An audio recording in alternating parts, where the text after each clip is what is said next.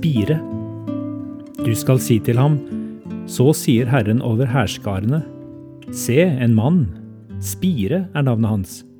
Under ham skal det spire, han skal bygge Herrens tempel.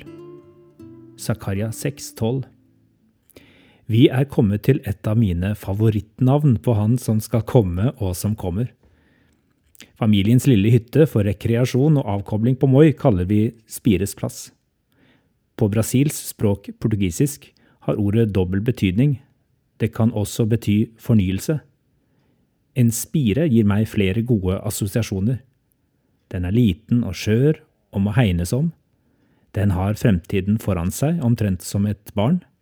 Den er allerede kraftfull, men fortsatt har den mye på lager, omtrent som Guds kongerike. Spire er den som finnes allerede, men fortsatt har vi ikke sett alt den er, omtrent som Jesus Kristus. Navnet Spire uttrykker et håp jeg kan relatere til min hverdag, i spenningen mellom det jeg allerede ser oppfylt, og det jeg fortsatt venter på. Det handler om å se potensialet i det mange regner som lite og avmektig. I min egen tro finnes det mye som er uferdig. Det er lett å tenke smått om det som bare er underveis. Hva kaller jeg det for? Spire er for meg et godt ord å gripe til. Tenk at det også er et navn på Jesus. Bibelordet er hentet fra jødenes flere hundre år lange adventstid. Zakaria var en av flere profeter som sang om spire. Entusiasmen fra de mektige kongene David og Sauls dager var borte.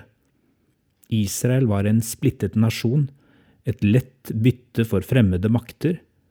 Så mange brutte forventninger. Et nedhugget tre, glemt av Gud.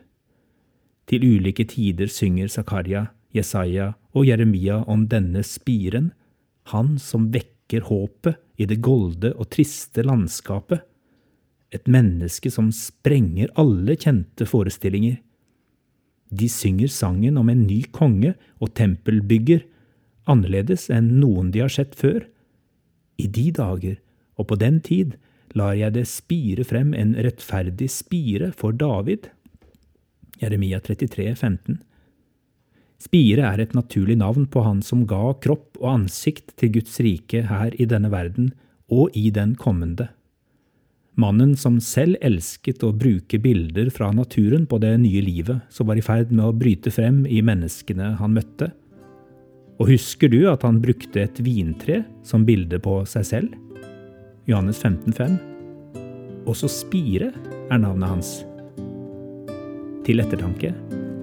Hva i mitt liv er fortsatt en spire som skal vokse og bli større?